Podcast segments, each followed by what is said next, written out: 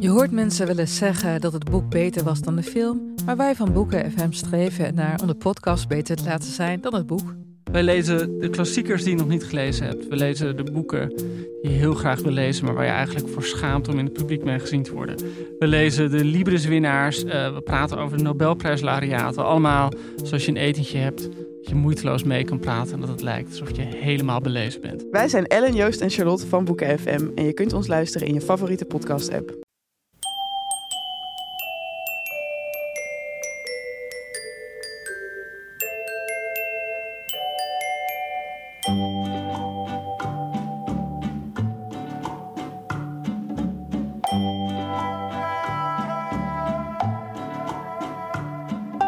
Welkom bij aflevering 60 van de Echt Gebeurd podcast, waar echt gebeurde verhalen worden verteld door de mensen die het zelf hebben meegemaakt.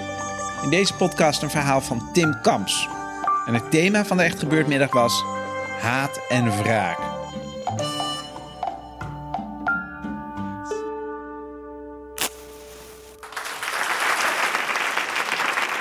Um, hallo, uh, ik ben Tim Kamps. Uh, kent iemand mij? Oké. Ik ben cabaretier, een soort van. Uh, ik treed op met mijn broer nu. En ik, ooit was ik met z'n drieën, met Bor Royakkers erbij. Kent iemand dat? Oké, nee? Ja, ken je het? Vond je het leuk? Oké, heel leuk. Nou goed, uh, Royakkers Kamps Kamps heten we. En we waren ooit begonnen in, uh, in 1998. Toen was ik uh, 16 of zo. Maar nee, dat was ik 21. Um, op het Amsterdamse Kleinkunstfestival. En we, st we streden toen tegen Claudia de Brij, Richard Groendijk en Koopmans Gunning. En Koopmans Gunning, die kent niemand meer, die zijn niet meer bekend. Maar Claudia de Brij wel. Oké. Okay. Claudia zou gaan winnen, want Claudia was heel erg goed toen. En zij, wat zij heel goed deed. Wat? Wat zei je? Heb je het gezien? Oké. Okay. Wat zei ik? Claudia erbij was heel erg goed toen, ja. oh mijn god. Mijn, mijn verhaal gaat over recensenten. Bent u recensent? Nee, oké. Maar goed, Claudia bij was toen... En nu ook heel erg goed supergoed.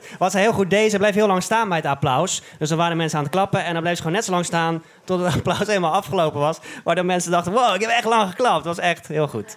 En wij niet, wij gingen dan heel snel buigen en we waren heel snel weg, waardoor iedereen dacht, gasten heel erg arrogant. Dus, um, nou ja, goed. Um, uh, dus zij zou gaan winnen. Maar omdat, omdat wij zo ongedwongen waren uh, op de finale, speelden we heel goed. En uh, wonnen we eigenlijk van Claudia de Brij. En op het moment dat de winnaar werd omgeroepen, wij dus, ging mijn moeder die ging als eerste staan.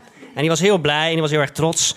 En ehm, de volgende dag stond er in de krant, toen de winnaar bekend was, sloeg moeder Kams op hol. En dat vonden we...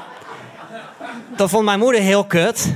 En ik vond ook, ja, ik dacht van, ja, waarom schrijf je zoiets? Weet je wel, moeder mag trots zijn. Dat is gewoon, ja, dat is hartstikke leuk als een moeder trots is. Ook al doet ze het een beetje, ja, omdat ze trots is op zichzelf. Dat ze ons gebaard heeft, weet je wel.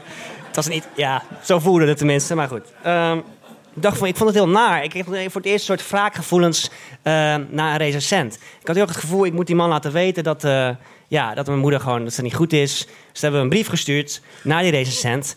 Om te vertellen dat mijn moeder, ja, een soort manisch uh, depressief was, om hem te pakken, om hem schuldgevoel uh, te laten bezorgen. dus, uh, nou ja, dat, dat er geen niks op gehoord, dus dat werkte niet. En toen zei mijn impresariaat, zei, ja, dat moet je gewoon laten. Je moet gewoon, met recensies moet, gewoon, moet je gewoon omgaan. Dan moet je gewoon, uh, ja, moet je gewoon accepteren. En dat vond ik altijd heel moeilijk. Um, zeker als je hoort wat voor soort shit wij over ons heen kregen. Volgens mij in die tijd was cabaret best wel ja, populairder dan nu. En gingen mensen gewoon heel, heel streng kijken. Ik ga nu een aantal stukjes voorlezen uit recensies. Uh, dat is die, jongen waar ik het mee deed, die heeft al die slechte recensies bewaard. Ik ga nu eens een aantal stukjes voorlezen. Uh, maar ik wil erbij zeggen, we kregen ook altijd heel veel goede recensies. Dus niet dat jullie denken dat het alleen maar crap was. Oké, ja? Ja, oké, dankjewel. Um, bijvoorbeeld, uh, we kregen bijvoorbeeld van Jacques Dancona. Die wilde ik toen ook doodmaken. Uh, uh, de volgende, volgende tekst. Talent zonder meer, maar nog heel erg klein. Letterlijk klein, omdat er naast tiener Boor twee kleine kampskleuters staan... die nog maar net de kleinste zalen kunnen bespelen. De resonans in hun kip kippenborstjes verklaart een beperkte klankkast. Dat was gewoon heel hard. En dan denk je, ja, Jezus, eh, weet je wel, ik, ik vind mezelf best wel goed. Dus je, je begrijpt het gewoon niet. Eh, Dit was de, dit was de kop van, de, van het stuk. Zelfgenoegzaam, smakeloos gezeur van Jong Cabaret Trio. Dat is heel erg, toch? Goed. Ehm, er was ook... een- dit ging over ons derde programma. Roykerskamps Kamps 3 heeft het niveau van de bonte avond op de middelbare school. Leuk, ideaal voor meisjes van 15, die giech- giechelen overal om. Eh, ze staan voor een trend die nergens naartoe lijkt te gaan. Buiten een huppelcabaret van bedenkelijk en traag niveau. Het tweede programma van het trio Reukers is er eentje om in te lijsten. Denk je nou, leuk om in te lijsten? Zo inhoudsloos en vervelend kan cabaret zijn. Al kun je je afvragen of Reukers Kams en nog cabaret is. Als je een avond geen zin hebt in lachen en toch de deur uit wil. Gouden tip. Dit is serieus. Het, het was. Ja, ik kan me voorstellen dat het heel moeilijk is om dan te denken: ah, oké, ik laat het. Ik laat het voor wat het is. Je voelt gewoon een soort vraag. Je wil die mensen pijn doen. Dit is uit het parool. Avondje vervelen stond er dan boven. Oké, ik lees niet verder. En er stond op het eind... Meer lijken Royals Kams Kams gemotiveerd te zijn... door een fascinatie voor slechte smaak... en de grenzen van verveling. Oké, nou, goed. Dat was allemaal heel erg. Eh, de eerste keer dat we dachten we moeten wraak nemen... was eh, Henk van Gelder. Ik weet niet of mensen die kennen. Ja? Dat is, een, is op zich een goede recensent. Hij schrijft altijd goed duidelijk wat er aan de hand is. Maar die schreef altijd zo slecht over ons. En die was eh, vijf programma's komen kijken en het was altijd slecht. Op een gegeven moment had ik van... Gast, waarom kom je nog? Laat me, gewoon- met rust. Dus ik heb hem een brief geschreven. Henk, laat me met rust. Kom niet meer. Eh, er is duidelijk sprake van een soort eh, eh, generatiekloof. Ehm, dus laat, ja, kom gewoon niet meer kijken. Toen stuurde mij een hele nette mail terug. Ik kom gewoon, want ik ben benieuwd naar je ontwikkeling. Nou ja, goed. Dacht ik, oké, dat heeft dus ook geen zin. Tot we in eh, de Dordrechts Nieuwsblad een groot stuk over ons stond. Over ons derde programma. En er stond een hele mooie grote foto bij. En er stond boven Tena Krommend Cabaret. Dat is een hele pagina. Dus wij dachten echt, jezus, waarom doet iemand dit? En er stond er als, als, als laatste zin...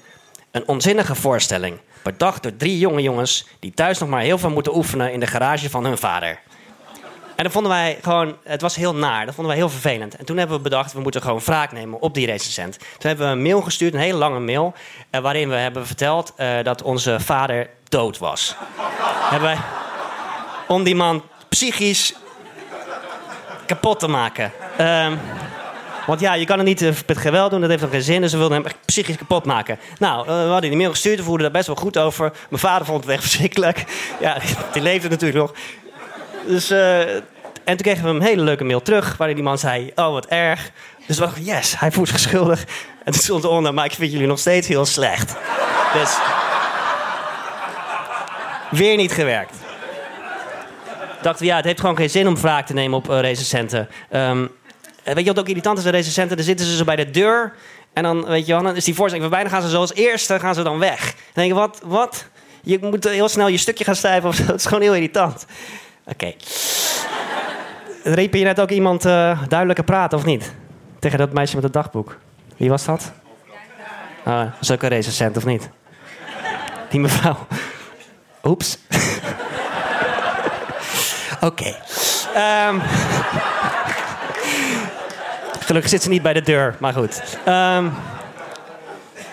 Dus ik vind recensenten gewoon heel vervelend. Eh, je kan er niks aan doen. Het is geen beroep. Wat is het beroep? Je gaat naar een voorstelling, je gaat dan doen alsof je er verstand van hebt. Je hebt zelf nooit op een podium gestaan. Het is gewoon verschrikkelijk. Maar goed, eh, dus ik dacht, nou, het heeft gewoon geen zin om wraak te nemen. Tot één avond, eh, de première van ons vierde programma. En daar was, voor de spits, was daar Korrelmandel Blombacher. Ik weet niet, denk je, die naam denk je, oh, verschrikkelijk. Een of ander, is, is ze er toevallig vanavond? Een of ander dom wijf. Eh, echt, dat je denkt, echt irritant, heel vaag. Want ik was op de première en dan stond ze aan de bar te drinken. En toen ging ik zo daar naartoe, dus dan zat ze te lachen. Zei ze, hé, hey, je bent toch die jongen van de Ashton Brothers? Ik zei, nou ja, ik word wel eens vergelijken met Pepijn, omdat hij heeft dan ook blond haar en zo. Ik zei, nee, ja, dat was ik niet. Ik, je hebt me toch net zien optreden? Ze zei, oh ja, ha, ha, ha, ha. Echt een super bitch. Toen wist ik nog niet dat ze van een spits was. Maar eh, de volgende dag stond dus een verschrikkelijk stuk, eh, ook in de spit, met een grote foto erbij. Dat er stond er iets van uh, studentencabaret of zo, echt verschrikkelijk. Nou, dus toen dachten we, nou oké, we gaan weer wraak nemen op die Coromanda Blombacher. Want we hadden haar gegoogeld en we zagen een foto. En toen hebben we een mail gestuurd aan de dag. We moeten niet direct naar haar, want zij kan gewoon, dan, kan ze niks, dan kan ze gewoon iets terugsturen en dan is het klaar. We moeten naar de eindredactie van de Spits een mail sturen. En we de eindredactie gemaild van de Spits dat ze heel erg dronken was op de première. Dat ze heel, uh, zich heel. verschrikkelijk had gedragen. Dat het, dat het schande was dat zo'n recensent in de zaal kon en voor de spits kon schrijven. En toen is ze ontslagen! Yes! Zo zie je maar. Het kan. Tot ziens.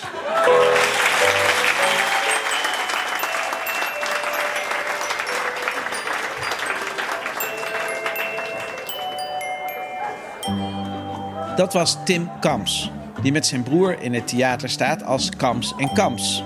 Hij treedt ook op met Arjen Lubach en dan heten ze het Monica da Silvo trio. Bij Echt Gebeurd hebben we hem gelukkig helemaal in zijn eentje als Tim Kams. Echt Gebeurd wordt iedere derde zondagmiddag van de maand opgenomen in Toemler onder het Hilton Hotel in Amsterdam. Heeft u zelf een bijzonder verhaal te vertellen of wilt u er gewoon een keertje bij zijn als er echt gebeurde verhalen worden verteld? Ga dan naar onze website. Deze maand is het thema hoe kan het ook anders? De nacht. De redactie van Echt Gebeurd bestaat uit Eva Maria Staal, Paulien Cornelissen, Rosa van Dijk, Eva Zwaving en mijzelf, Micha Wertheim. De techniek is in handen van Vrijman en Vrijland.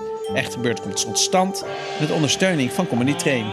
Dit was de 60ste podcast van Echt Gebeurd. Er is nu ook een Echt Gebeurd luisterboek. Ideaal als kerst- of Hanukkah cadeau aan mensen die geen podcast kunnen of willen luisteren. Op het luisterboek staan ook een paar mooie verhalen die nog nooit op de podcast hebben gestaan. Dus koop die CD. Bedankt voor het luisteren en tot de volgende podcast. En vergeet niet, recensenten zijn ook maar gewone klootzakken van vlees en bloed.